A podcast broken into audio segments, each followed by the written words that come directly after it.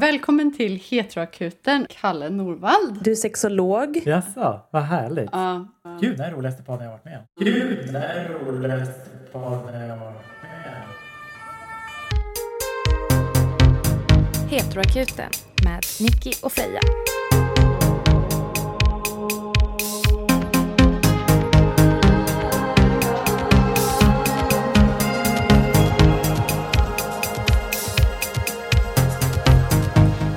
Den andra delen av avsnitt 20 av Heteroakuten med vår gäst Kalle Norvald.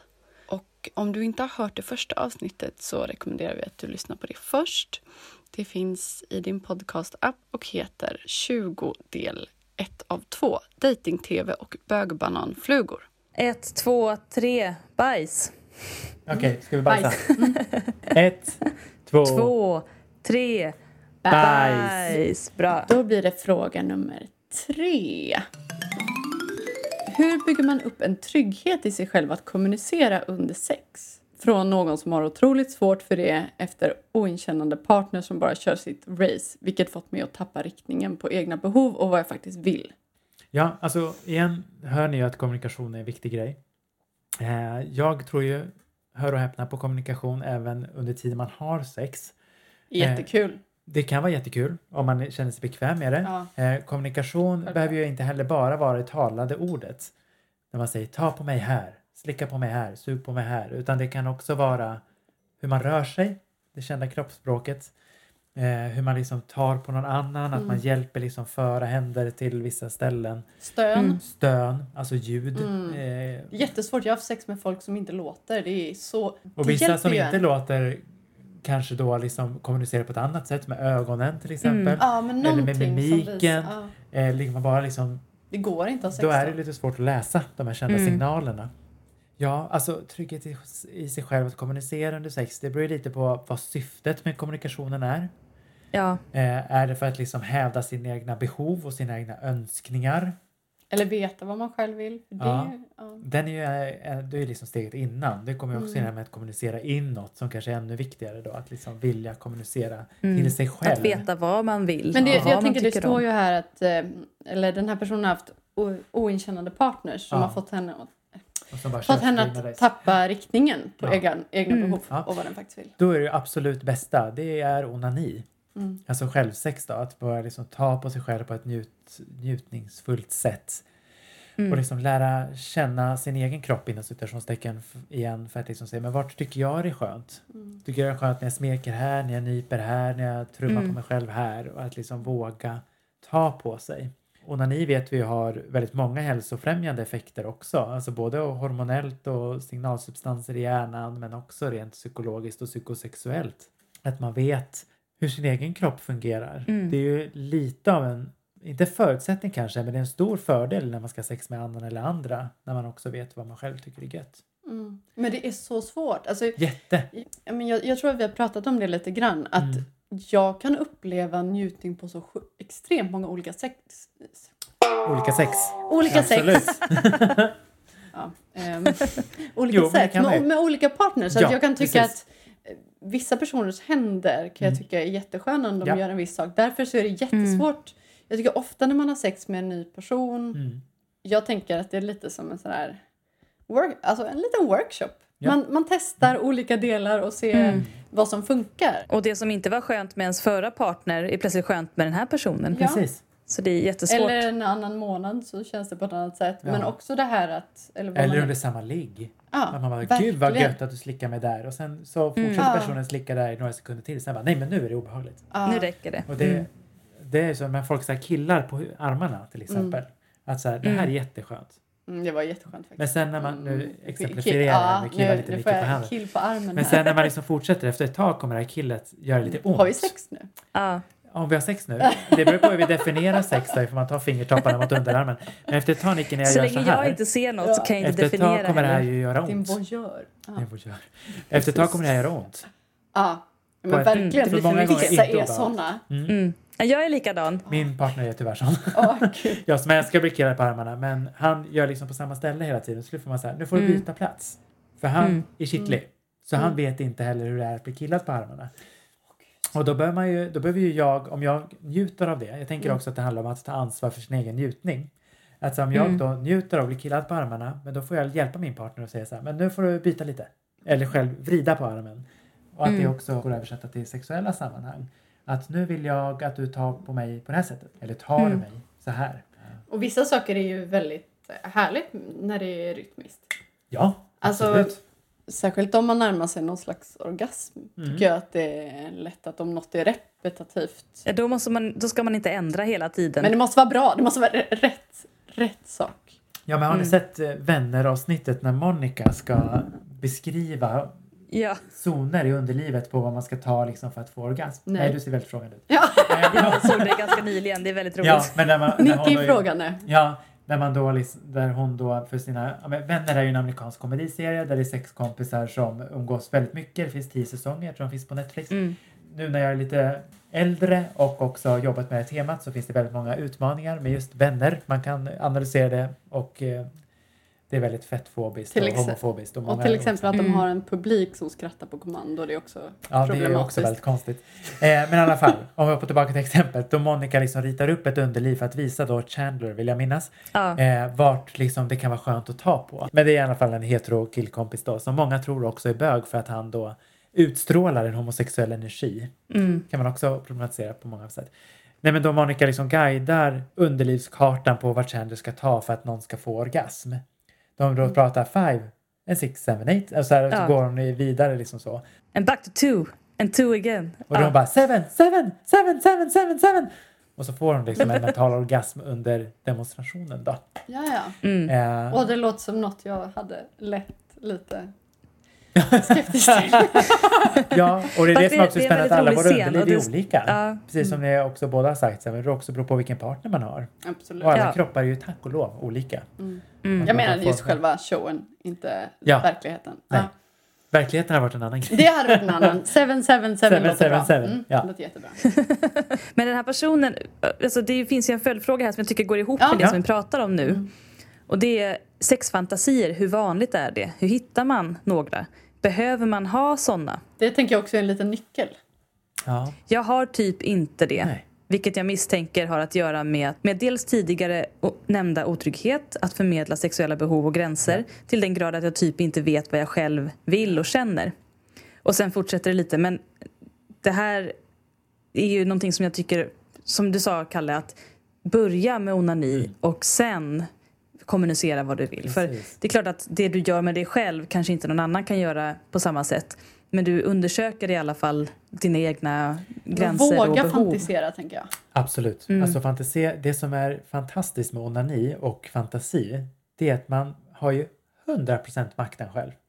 Mm. Man behöver liksom inte ta hänsyn till någon, det låter ganska hårt, men man behöver inte ta hänsyn till någon annan.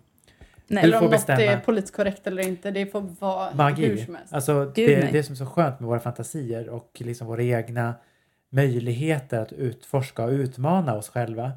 Man behöver inte försvara sina sexuella fantasier för någon, förutom sig själv då förstås. Men det, Fast nej, typ inte riktigt det heller. Jag tror man får Nej, det, lite. jag kom på när jag sa det högt att det kan man verkligen också frångå. Men det kan ju vara saker Ah. som man återupplever för att man har ett trauma också såklart. Ja, och jag, jag som Ja. har jobbat många som, med många som har blivit utsatta för sexualbrott kan ju också få extrema skampåslag när de fantiserar om Mm. sex med våldsinslag till exempel. Mm. Eh, Mm. Men jag menar, våld kan ju också vara någonting som är positivt laddat inom BDSM-världen exempelvis. Mm. Där man leker med smärta under samtycke. Mm. Då är ju våld, våldsyttringar väldigt positivt. Men det är ju det för Mm. att det är ett, under ett samtycke. Och bara för att man Ja. fantiserar om våld så betyder det heller inte att man vill ha eh, BDSM-sex. Eller jag tänker att Alltså, jag har Precis. fantiserat om och kollat på Mm. porr. Mm. Eh, som Har du inte, kollat på porr? Ja, men som, som har inte... Med, med rollspel som Ja. kanske inte Nej. är någonting... Eller det är någonting jag absolut kanske inte vill uppleva i Nej. verkligheten eller ens kanske kolla på igen. Nej. Så länge man är medveten om att det här faktiskt är Ja. fantasier så är Och jag har ju läst ganska mycket forskning om just pornografi och de som tittar på det. Eh, pornografi är ju just nu kanske sexologins hetaste potatis att diskutera. Mm. Eh, men just det som du beskriver nu att det finns ju mycket forskning som styrker just ditt perspektiv. Så du, du är normal. Det är ju att så här, man kanske väljer att kolla på material som man nödvändigtvis inte vill leva ut. Eh, och att vi också fantiserar om saker som vi inte heller vill praktisera. Utan att Nej. vi just vill med fantasins hjälp liksom utforska. Okej, men hur upplever jag det här? Finns det något mysigt att utforska här för mig själv? Men som jag kanske inte vill leva ut med min partner. Att man kanske inte vill ha gruppsex med 35 stycken. Men det är spännande att fantisera om eller titta på. Mm. Jag är ju inte ett dugg intresserad av varken lesbisk porr eller bögporr. Mm. Jag vill ju gärna ha extrem cisporr i närbild. Ja, För att för mig är det något som är väldigt exotiskt och väldigt spännande. Men och, även om jag inte vill ha det så triggar det ju ändå mina fantasier och min Precis. sexualitet. ja. För jag tänker att du, vår lyssnare här, har en ganska sådär hård pli på sig själv när det kommer till sexualitet. Försök att liksom släppa på den lite grann. Och jag tänker att frågeställaren själv presenterar ju teorin ifall man varit med om något trauma. Och har man varit med om ett trauma då är det ju svårt att fantisera. Eh, men då kan man ju ta hjälp av, om man vill inte kolla på pornografi, för det är ju också helt okej, man måste inte kolla på porr. Men då finns det ju erotiska noveller. Mm. Alltså att man också kan kolla på Skriva en egen erotisk novell. Skriva en egen, skitbra. Så det finns många erotiska material som inte behöver vara pornografi. För jag har full förståelse Ja. för de som Ja. inte vill kolla på det. Och sen kan man prata industri, absolut. Ja, Men på individbasis. det. Eh, ja, det finns, Finns många feministisk utmaningar. Ja, Och för många är ju inte sexet det viktiga i det som man konsumerar heller utan det är ju kanske hånglet. Alltså, precis. jag vet när jag var tonåring, att bara se folk kyssas var liksom Ja, helt makalöst. fantastiskt. Jag, ja, men jag, ville inte, jag ville inte att de skulle ha sex, jag ville bara se hånglet. Ja. Och jag Och tycker det för är äckligt med många många. så är det så. Du ser, här I är vi två vuxen ålder personer också. som ändå känner varandra ganska väl och är kompisar har jag tolkat Ja. att ni är. Mm. Ja. Och så att det ändå är så olika. Mm. Och, jag menar, och är det så blir det en, liksom en fråga, eller ett svar till fast frågeställaren inte ställde detta. Men det kan ju också hända i en parrelation att man har väldigt olika erotiska intressen. Och då kan Absolut. det ju delvis bli en konflikt. Eh, men det behöver ju också då den här kända kompromissen behöver komma till på något sätt. Jag Mm. som träffar många par som har problem med olika lustar som ju också var en fråga så nu får ni liksom ett bonussvar här. Mm. Men just hur man gör när man i en parrelation har olika nivåer av just lust. Eh, så finns det ju någon föreställning om att den som har lägre lust ska upp till den som har, har mer lust. Mm. Och det kan jag tycka är en ganska så här orättvis beställning. Delvis ja, från mig som terapeut och sexolog men också från sin partner. Att Kom upp till mig. Mm. Eh, eller också, också i som- samtyckeslagen så Också är det samtyckeslagen. ganska... Men också för Mm. den som är lägre som gärna vill upp. Eh, men att vi kanske ska ändra formulering och tänka att ni behöver mötas någonstans. Att ni båda Ja. behöver liksom kompromissa kring hur era mål ser ut. För nu. Sen kan det ju bli något Mm. annat om tre veckor. Det har vi ingen aning om. Jag, jag tänker om, om man ska tänka då på det du pratade om här i senaste Gift vid första ögonkastet, äktenskapet då. ja. Eh, nej men jag, jag, där kände jag lite sådär, husch, Mm. när, men just när eh, Emil och Maxine pratade om intimitet. Mm. Att just att intimitet inte behöver vara sex utan Nej. att det bara kan vara att duscha ihop eller massera eller ligga Ja, nära. ja. Mm. Alltså jag tänker att det är väl en jättebra sätt att börja till exempel att säga nej men vi ska inte ha sex nu. Just det här intimiteten, att faktiskt bara ligga vid varandra och så här, ta på varandra Ja. utan en tanke om att det måste bli mer. Jag tror att det är en jättebra övning. Ofta, jag, upplever utifrån när jag kommunicerat med vänner i alla fall eh, att väldigt många som till exempel är ute och raggar på folk och hånglar och sen så går man hem tillsammans. Det är inte alltid man faktiskt vill ha sex. Det finns en förväntan om sex men det är inte alltid man vill ha sex. Utan kanske vill man mest ha närhet och Precis. liksom känna att någon finns där. ja, och det tycker Och jag är väldigt den här spännande. personen ja, förlåt, skriver ju att hur bygger man upp sig själv att kommunicera men sen eh, någon som har otroligt svårt för det efter oigenkännande partners Ja. som bara kör sitt race. Alltså, ligg inte med de personerna. Säg nej direkt. Gott tecken, Typ, alltså, Då ja. har du inget kanske annat att kommunicera än nej, tänker jag. Ja, det beror på lite i kontext förstås, as always. Men att här, om du har legat med någon för första gången och så känner du som, men gud, den här personen kände inte in mig whatsoever. Mm. Säg det. Säg jag det. har sagt det. Ja, och det det, har jag med. var otroligt att obekvämt kanske. Det Klappa var liksom så här att du, du känner inte av mig överhuvudtaget. Mm.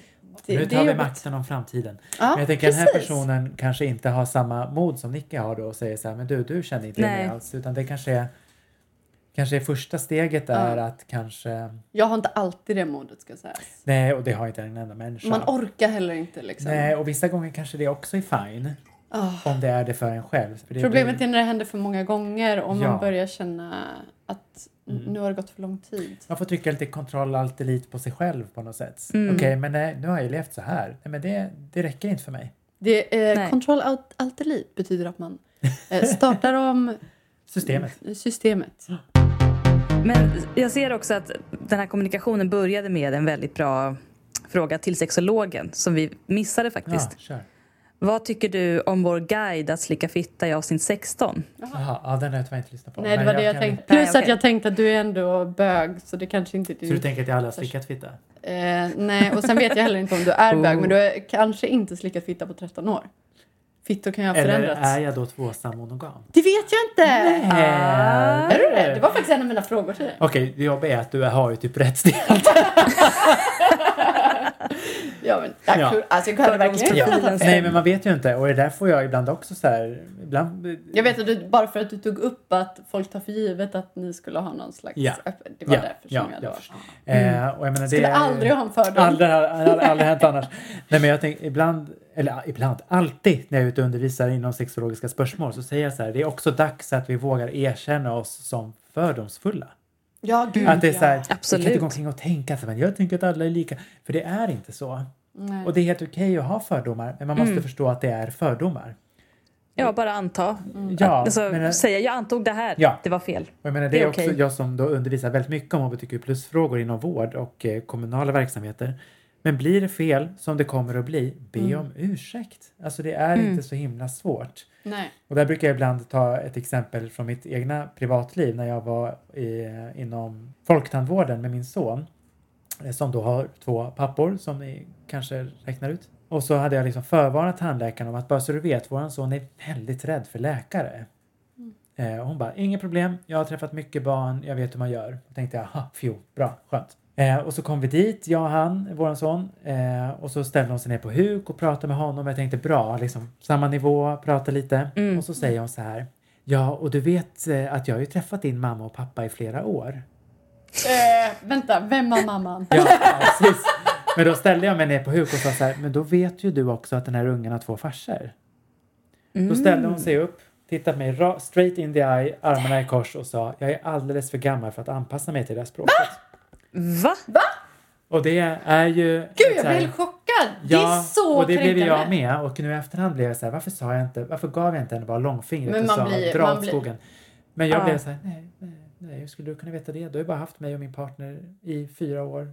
Men vadå, varför skulle du... Eller så här, det är ju som att säga... Jag menar, tänk, att, tänk om du hade varit själv med din son Mm. och mamman hade varit död till exempel. exempel. Och man då bara säger att jag tänker inte anpassa... Man ska ha två föräldrar, jag Mm. skiter i att din Mm. partner är liksom Men där hade ju den här tandläkaren kunnat säga ja.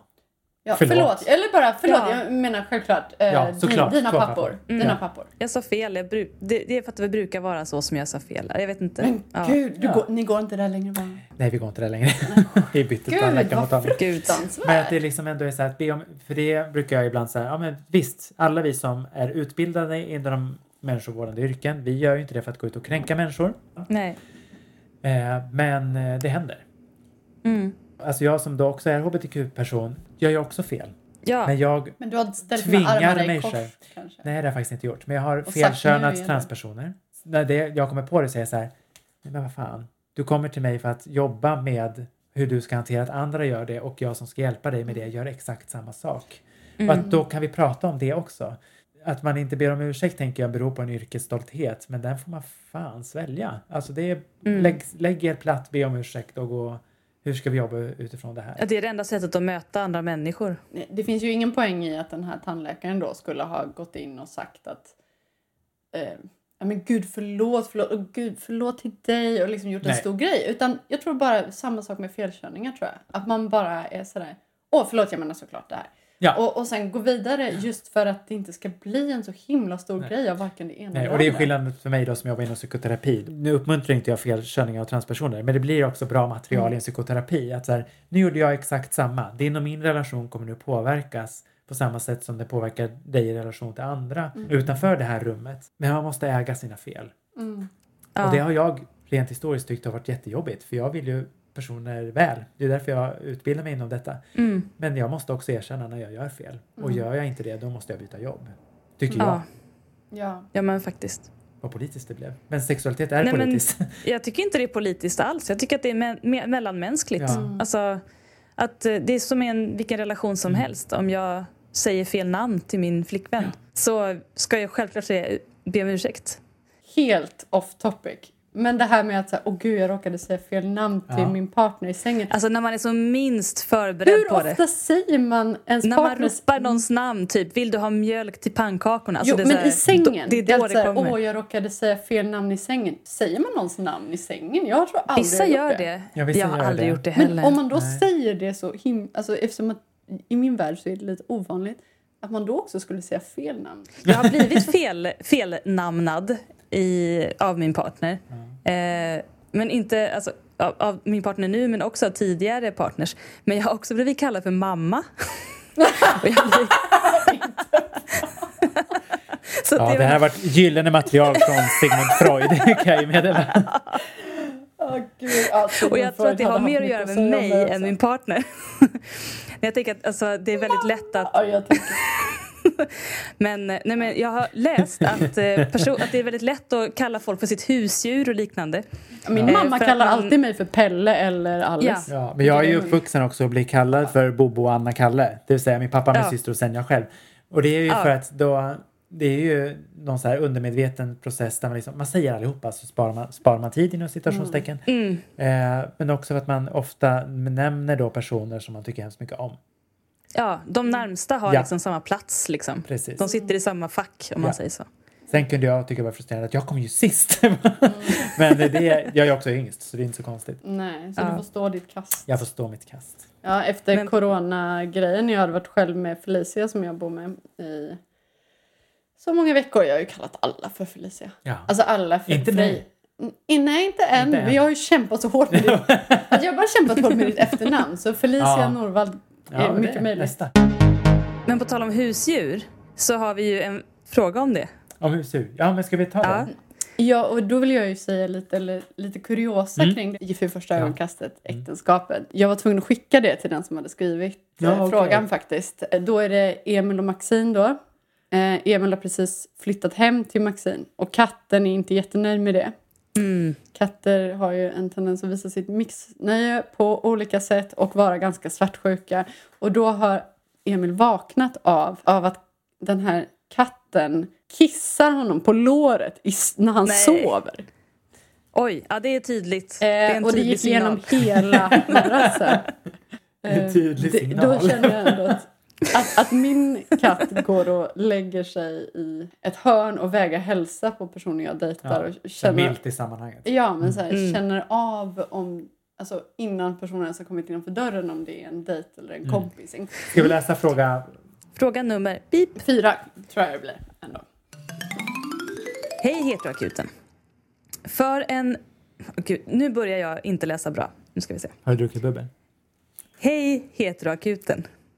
Tack för en underbar podd. Jag har nyligen blivit ihop med en fantastisk tjej som kommer med lika, en lika fantastisk katt. Mycket trevlig katt och tjej. Men problemet hör till det att katten alltid ska vara med när jag och min tjej ligger. Så pass att det nästan blivit en självklarhet att katten ska vara med på ett hörn. Ett exempel på detta är när jag idag föreslår för min tjej att vi ska ha sex i duschen varpå hon svarar “men var ska katten få plats?” Frågan jag vill komma till nu är hur jag ska som ny partner förhålla mig till relationen mellan min lesbiska partner och hennes katt. Mm. Tacksam för svar. Det här är ju väldigt vanligt och Ja. hundar kan jag säga är likadana. Jag tänker att det är ofta. alla djur. Nu kommer vissa människor vända sig mot min liknelse här, men det är ju lite som att träffa en person som också redan har barn. Att Mm. det är ju en del av paketet på något sätt. Eh, och, Och du kom sen. ja, alltså jag, när jag träffade min partner så hade jag en katt som var liksom hade det funnits liksom kattdiagnostik så hade hon absolut uppfyllt kriterierna för Asperger. Ja, det har min katt också. Eh, för hon Mm. eh, ville bara vara med mig. Eh, när min man kom in i mitt liv så var hon under sängen säkert i ett halvår så fort han kom hem till mig. Men sen när vi blev sambos efter ett år tror jag så då blev han liksom accepterad. Och katter är ju smarta på så sätt. Det är ju väldigt smarta djur. Men Ja. de kan ju också då vara lite speciella för att de alltid ska vara med. eh, och det beror också lite på vilken kattsort det är så eh, vill de ju gärna vara Vad var med din mer. kattsort? Eh, den katten vet man inte för det var en adopterad katt från ett Okej. katthem så det Mm. vet man inte. Eh, men det finns vissa kattsorter som ska liksom vara med för de är väldigt sociala. Och det Jag har två ju- stycken av den, de raserna. Av den okända so- sorten. Ja. Siamese och Cornish Rex. Ja. Du ser. Hur hanterar man då när de här katterna, för barn är ju ganska lätta och de ska inte vara med i sexuella sammanhang för det är olagligt. Eh, Ja. Men också för att För att vi ändå vi är väldigt detta. noga med lagrummen här. Eh, sen är det ju också faktiskt, alltså, man kan ju tolka den här frågeställningen på lite olika sätt som jag och Nicky pratade om när vi gick igenom Mm. frågorna lite innan. En självklarhet att katten ska vara med skulle man rent språkmässigt kunna tolka som att katten är en del och att det här är en trekant. Nej men, nej men det, det, Det tänker jag nej, att det inte nej, är. Nej, nej, nej. nej. Men hundar kan tänka så. Många hundar juckar ju på Jo, benen. jo men nu pratar vi utifrån människor. Vi pratar tidelag här. Men vi, Ja. om vi Mm. tar bort Utifrån den människor. det, idén, för jag Ja. tänker att det inte är riktigt så. Det är en annan podcast. Men att, sådär, vi tänker att Tack. eh, katten är kanske med i sängen samtidigt som de har sex. Eh, Jag fick en bild till det här och jag kan säga att det är så det är. Ja, Eh, och det, då vill ju katterna vara med. Bildbevis. Det kan ju också vara, ja precis. Det kan ju också vara lite så här spännande att eh, de här två personerna kanske låter på ett sätt de annars inte gör. De rör sig i sängen på ett sätt de annars inte gör och då blir katterna också nyfikna och därför vill de titta på. Och det kan ju vara besvärligt, framförallt för den här nya personen som kommer in i kontexten som kanske inte känner den här katten lika bra än. Att det liksom blir lite besvärligt att bli observerad i samband med sex. Även fast det är ett Mm. djur så är det ju fortfarande två ögon som tittar. Hur ska man prata om det? Hur ska man be sin partner? Uppenbart Liksom. har de ju någon form av kommunikation kring det eftersom vi tänk, Ja. både jag och Nicky tolkar den här frågan som att det är ett skämt kring att katten ska vara med i duschen. Ja, ja, ja. Ja. Nej, men det är väl det liksom finns mer som att det har gått så långt så Ja. att eh, ja, vi kan ju inte ha sex i duschen för vad ska den Var ska här- katten vara? Ja, Så jag mm. tänker det finns en kommunikation uppbyggd och då kan man säga så här, jag tycker faktiskt det är lite besvärligt att katten är med. Och jag Mm. kan garantera er, jag som själv då haft katt ganska många år av mitt liv, katten kommer inte hata er om ni liksom med foten puttar ner dem lite mjukt från sängkanten. Så Den så kommer de- dock hoppa Nej, upp igen första efter gången. en halv sekund. Ja, och det här är ju, katter är ju också smarta på så sätt att de lär sig saker. Mm. Så till slut Mm. kommer de också vänja sig vid att när den här typen av rörelse och ljud kommer från sängen så behöver de faktiskt inte titta. Så det är en sån här djuruppfostringsteknik också. Så man får helt enkelt be sin partner att snälla respektera min integritet när vi har sex och att våga tillrättavisa katten när det är dags. Ja, men katten behöver kanske som sagt inte liksom sitta på rumporna medan de ligger eller sitta Nej. precis bredvid i sängen. Nej. Och Nej. bor de i ett, bo, precis beroende på hur de bor, de kanske har Mm. mitt Jag har i inga, säng. jag har inga Mm. dörrar heller hos mig. Nej, så det är Eh, svårt att stänga in katten kanske, men det behöver man inte eh, heller göra. det, det går inte och då står de också och skriker och det är ännu värre. Ja, det gjorde min katt också. Jag vet inte om det handlar om själva sexet eller om det handlar om svartsjukan. Jag Mm. tänker att det också Mm. hänger ihop lite grann. Att det det kan det här, absolut göra. och eh, det jag brukar säga till folk jag träffar är att ge Siv, min ena katt, Min mer... katt heter också Siv. Nej! Nej, vadå heter, heter den det? Ja, den finns tyvärr inte med i jordliga livet längre. Men Men, ja, hon heter Alltså Siv. alla. Siv-katter jag vet Mm. är fantastiska.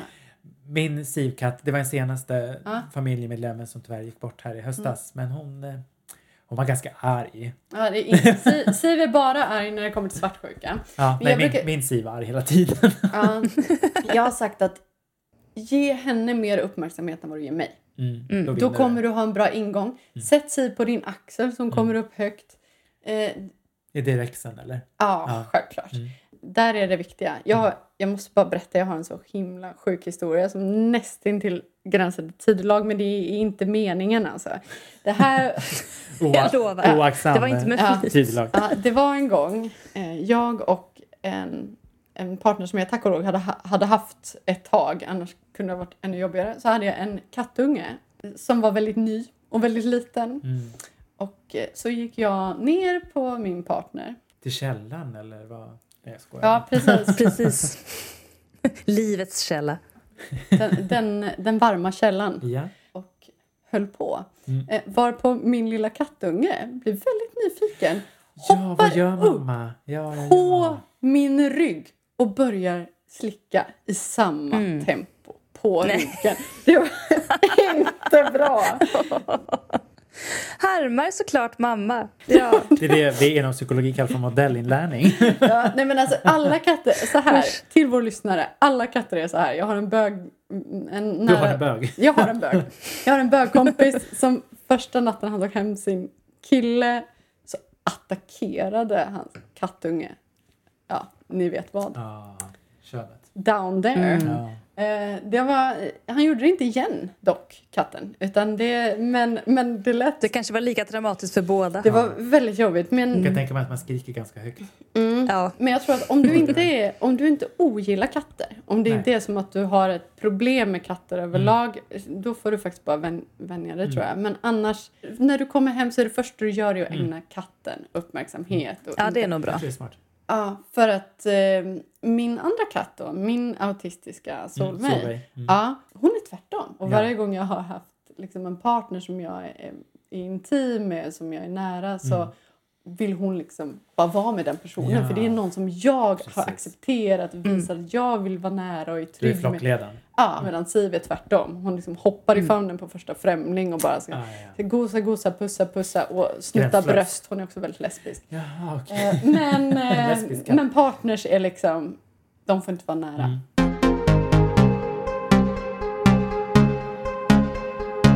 Ta en sista fråga.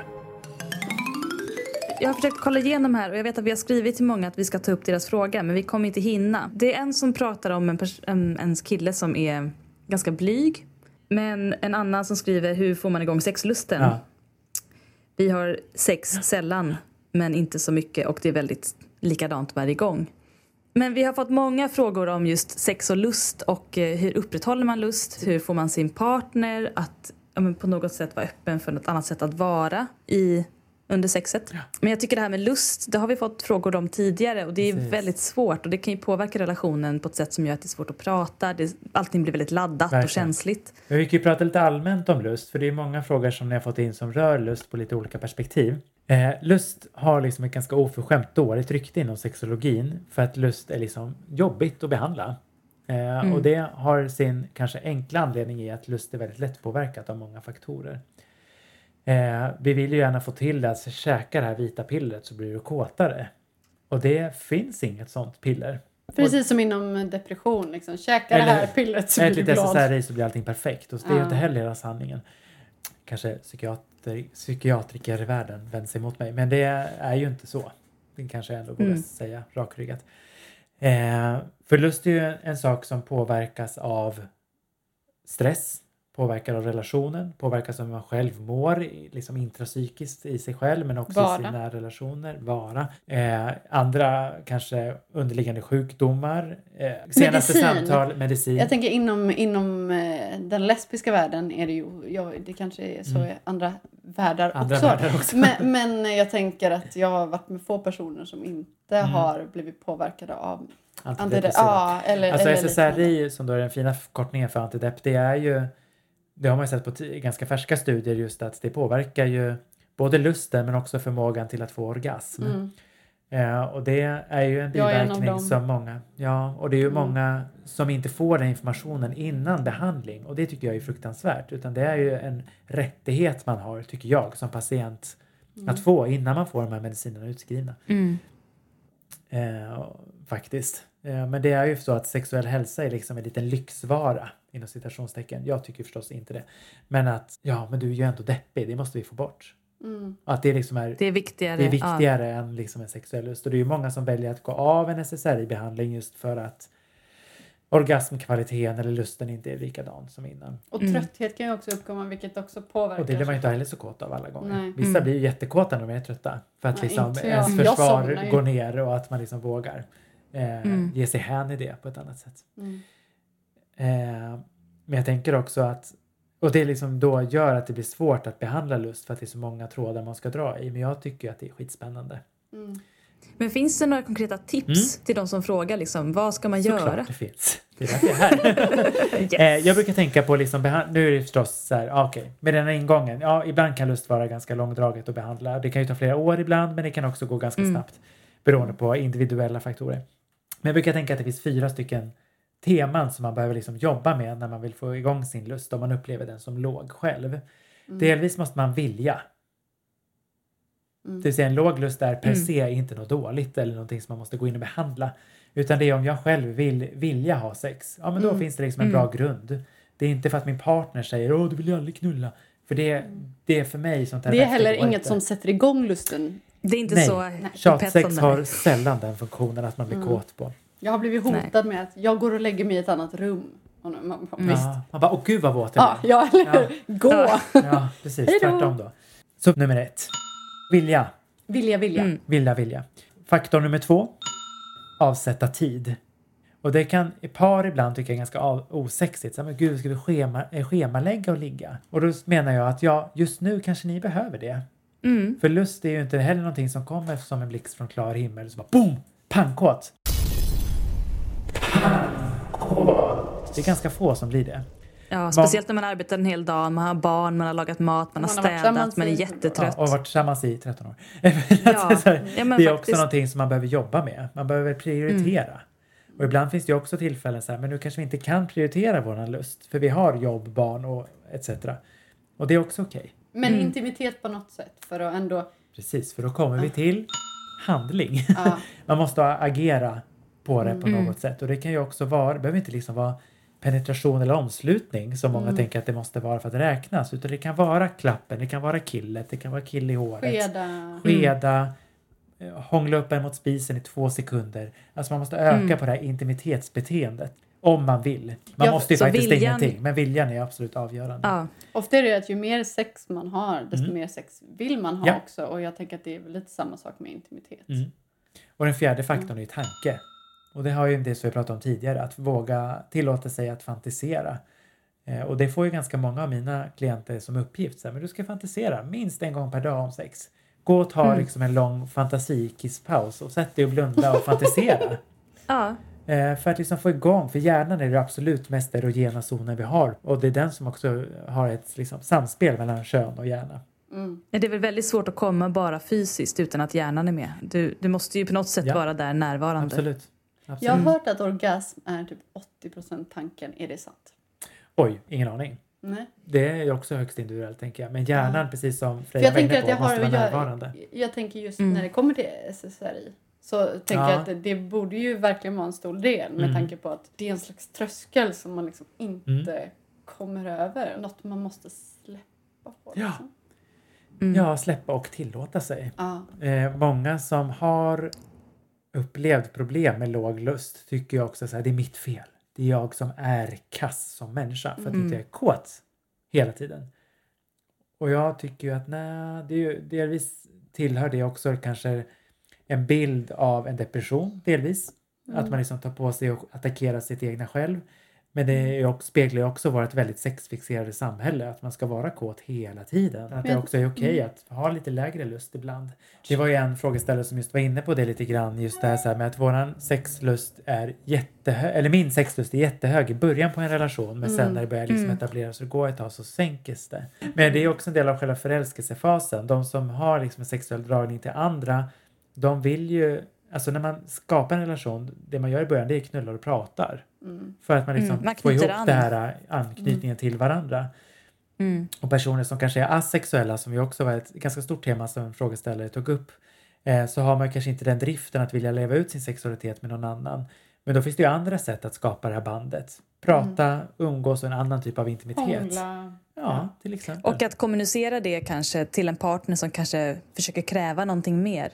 Att säga, Precis. jag behöver inte komma upp till din nivå som du sa innan. Jag tyckte det var väldigt bra. Mm. Att det behöver inte vara att man ska mötas där uppe. Man kan också mötas där nere så att Ja. säga. Eller i mitten där. Ja, Och det är liksom ibland kan också, för jag menar lust funkar ju så att det kommer att gå lite genom livet. mm. Man kan inte vara kåt hela tiden för vi har liksom andra saker att göra. Eh, Mm. Men lust är ju en färskvara som man behöver liksom upprätthålla. Precis som Mm. du sa Mm. Nicky, att så här, har man sex mer då vill man också ha ännu mer sex. Mm. Om man ska generalisera. Men jag har en nära vän och sexolog och terapeutkollega som heter Malin Drevstam som gav mig en väldigt bra liknelse kring det här med lust. Hon bara, men se, se liksom lust som en liten kattunge. att så här, för, Nej. Jo, absolut. Men har man en katt som ligger här på golvet, en kattunge, vi vet ju hur de är, Mm. de har ju sina egna premisser liksom. Som het, Så heter den här kattungen lust.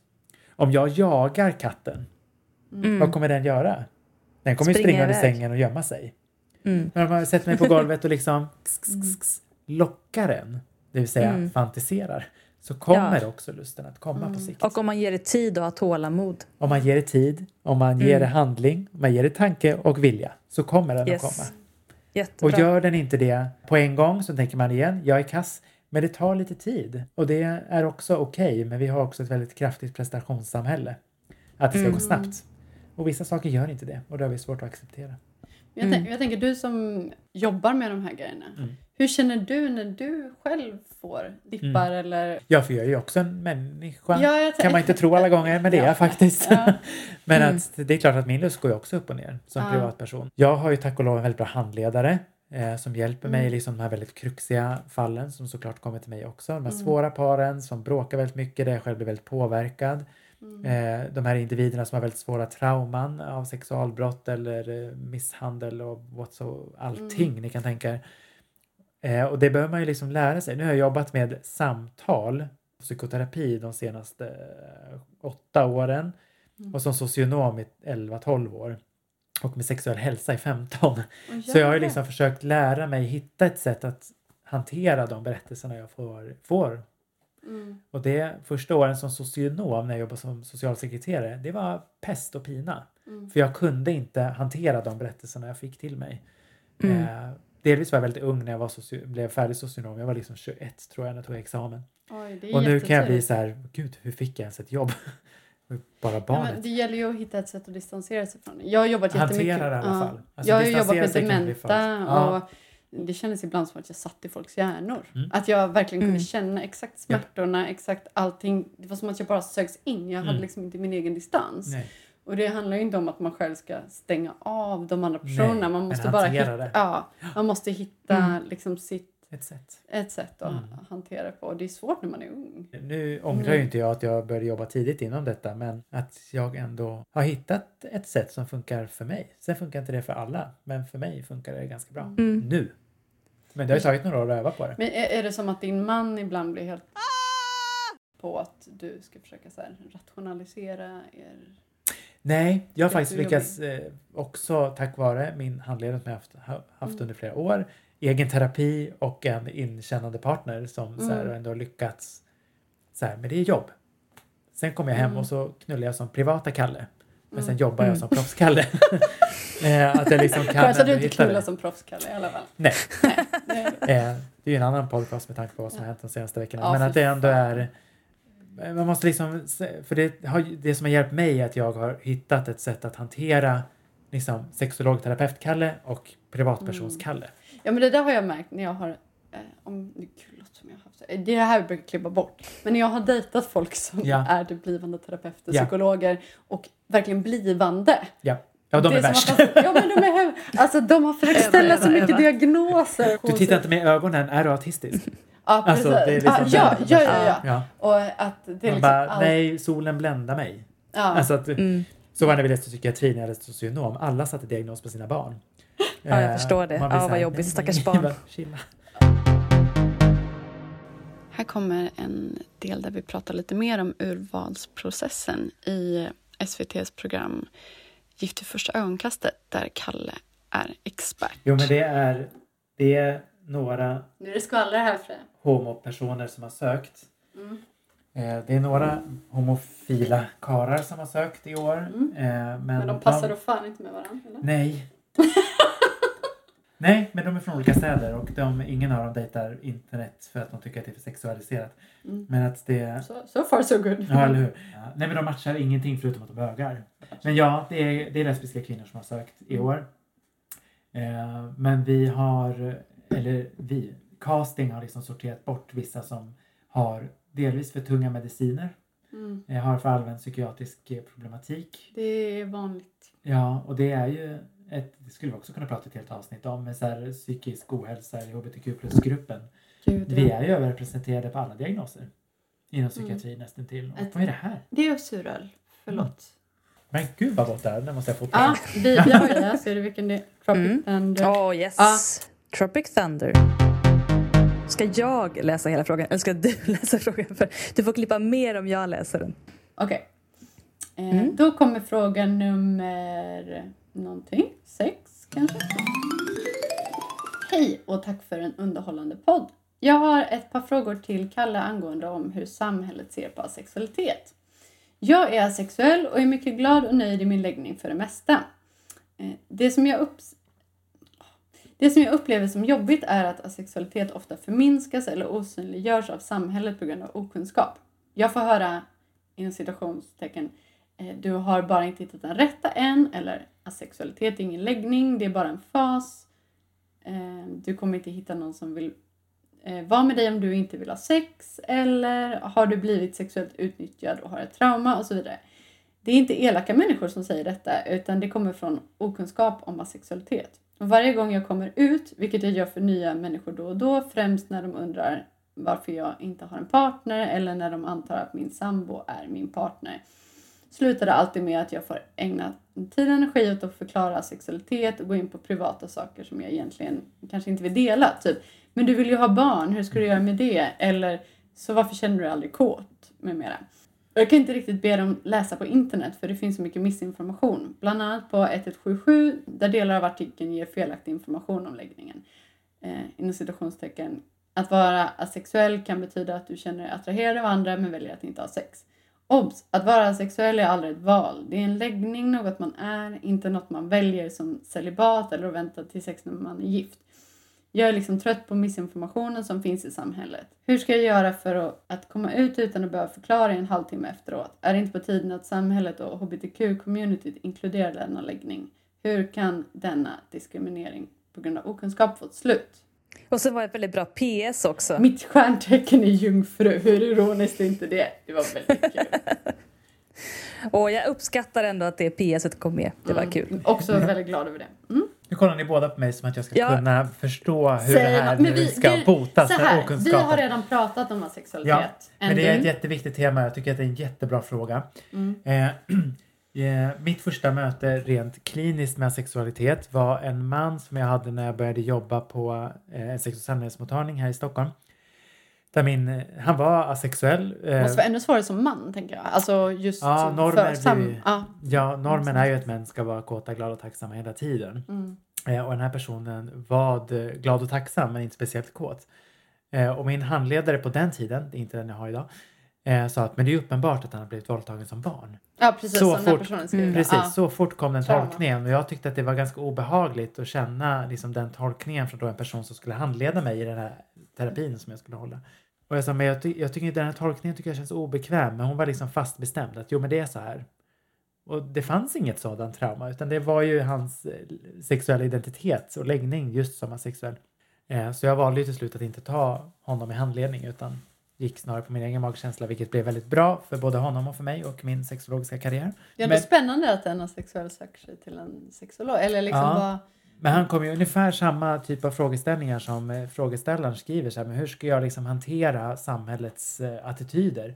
Och det här var ju inte en Mm. man som var liksom pubertal ut, eller liksom precis färdig med puberteten och var 20 utan här var en man, jag tror han var 40-45. Mm. Och fortfarande hade den pressen. Liksom. Fortfarande hade den pressen. Fan vad jobbigt. Och det Mm. är ju ett tydligt tecken tycker jag just på den sexualiseringen som vi har, att man måste vilja ligga och framförallt män. Mm. Eh, och det och kvinnor ska ju snarare vara så här komplexa och svåra Mm. sexuellt, vilket ju också är en ganska taskig box att bli placerad i. Eh, för jag menar, lesbiska har ju inte sex. Nej, absolut inte. Nej. Vi kramas bara. Ja, äter kex. Ja. Ja, nej, dricker, dricker kamomillte och Ja. klappar katten. Ja.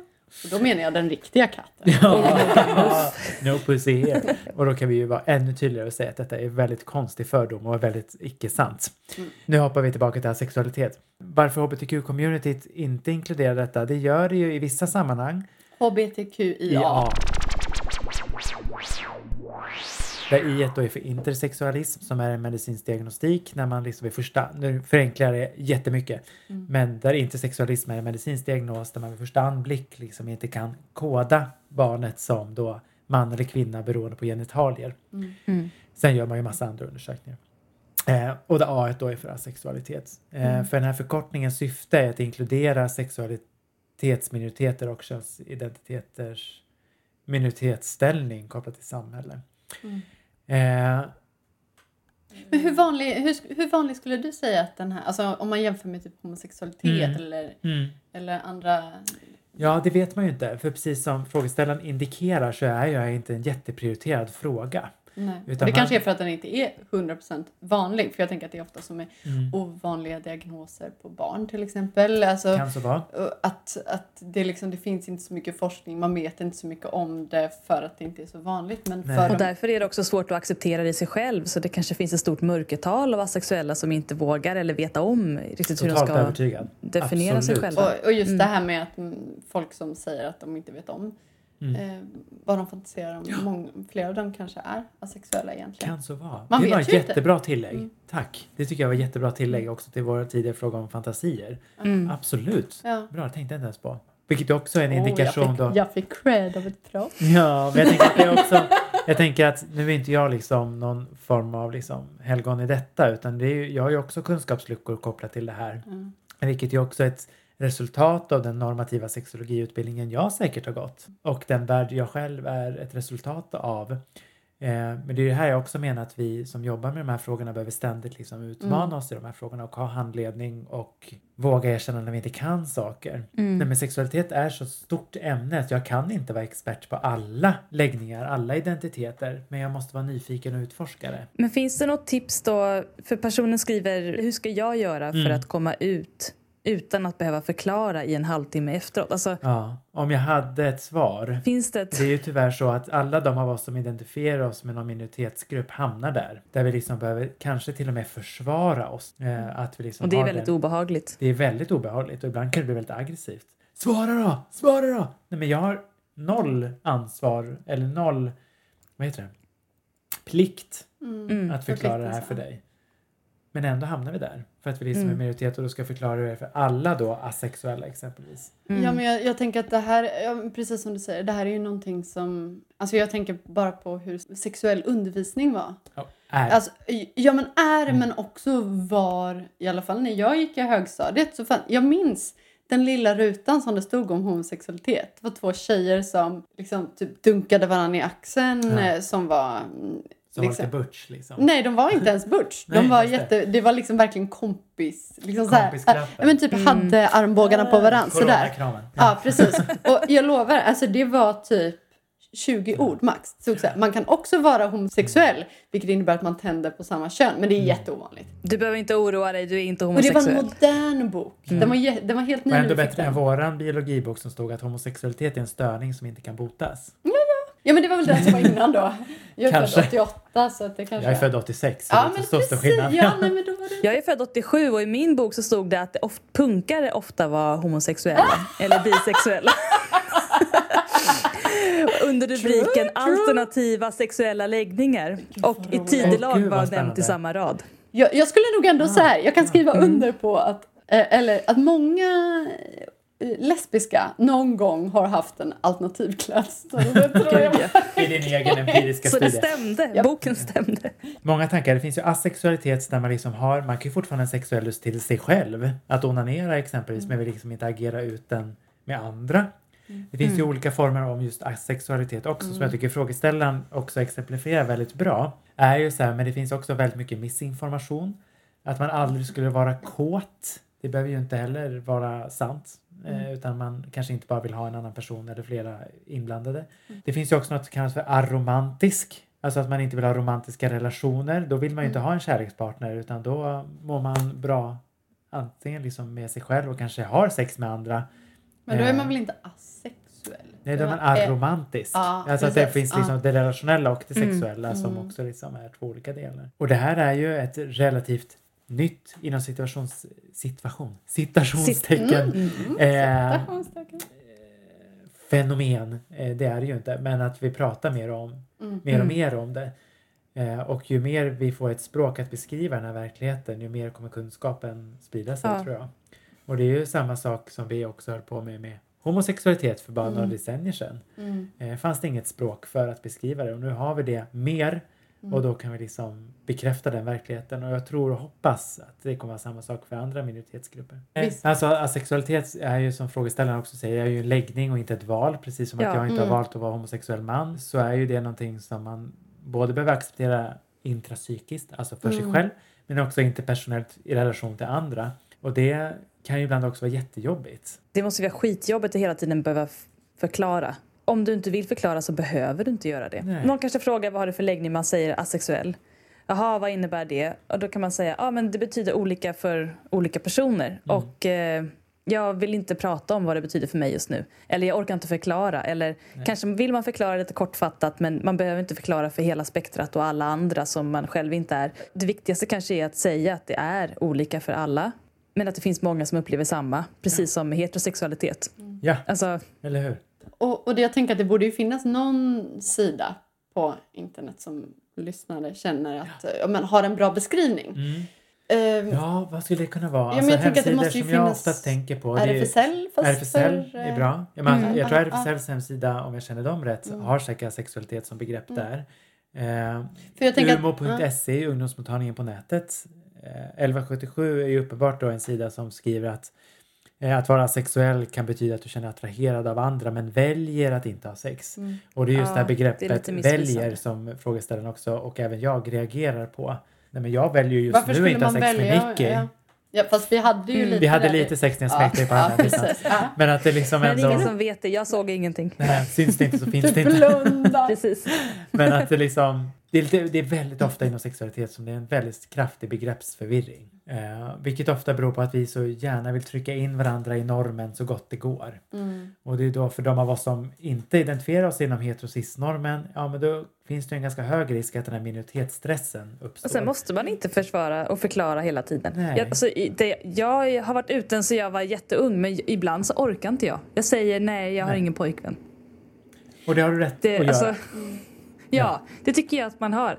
Man måste inte alltid vara stark och slåss liksom. Man kan ju ge lite samma tips som då, alltså jag tänker på när snubbar kommer fram till en på krogen. Och då har jag sagt förut då en sak som brukar funka. Det, eller det jag har gjort då flertal gånger när jag inte har orkat, man sitter i en konversation med någon, någon en snubbe kommer och hallå, hallå. Då säger, tittar jag och så säger jag nej. Vänder bort blicken, fortsätter den, säger gör jag exakt likadant igen, vänder bort, inga andra ord. Ja, hitta på något som är så snabbt som möjligt. Eh, som ändå är någon, till exempel, det kan du kolla upp på RFSLs hemsida. Ja. Men jag tycker att här, det som vi alla sagt, men jag vill verkligen poängtera det oavsett vilken sexuell läggning eller identitet man har. Mm. Du har ingen skyldighet att beskriva vad det är. Nej. Eh, bara för att du är minoritet så står det inte liksom i din DNA att du måste förklara det för allt och alla. Precis som Nej. en transperson inte behöver förklara sitt könsorgan. Nej, Nej. varför? Men herregud, spelar det någon roll? Vi sitter Mm. och pratar om parlamentet i USA. Det är liksom så här, ja i och för sig, där kan du i och för sig Hur ser roll ut på baksidan av dina ögon?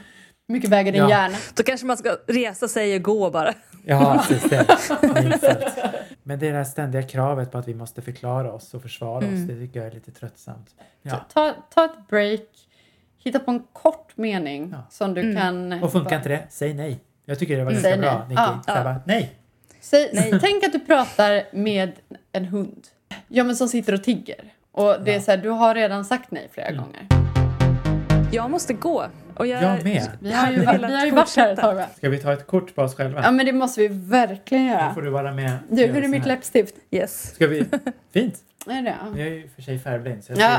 ser... Bra ja men nej, tack själva. Jag, är- Tack. Alltså, vi, vi tänkte så här, men vi tar en chansning Ja, och, och skickar... och ni vågar och ni vann. Ja. Som att jag är ett pris för er. ja, och du svarar Men fort en till också. Pernilla Wahlgren.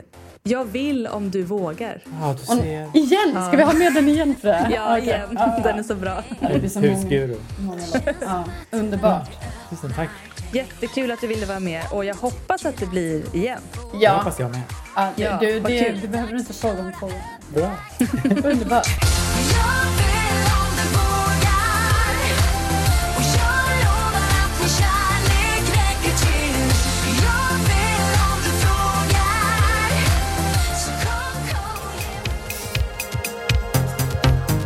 Heteroakuten är Nicky Irla och Freja Holmberg. Maila dina relationsfrågor till heteroakuten Musik och ljudmix av Nicky Irla.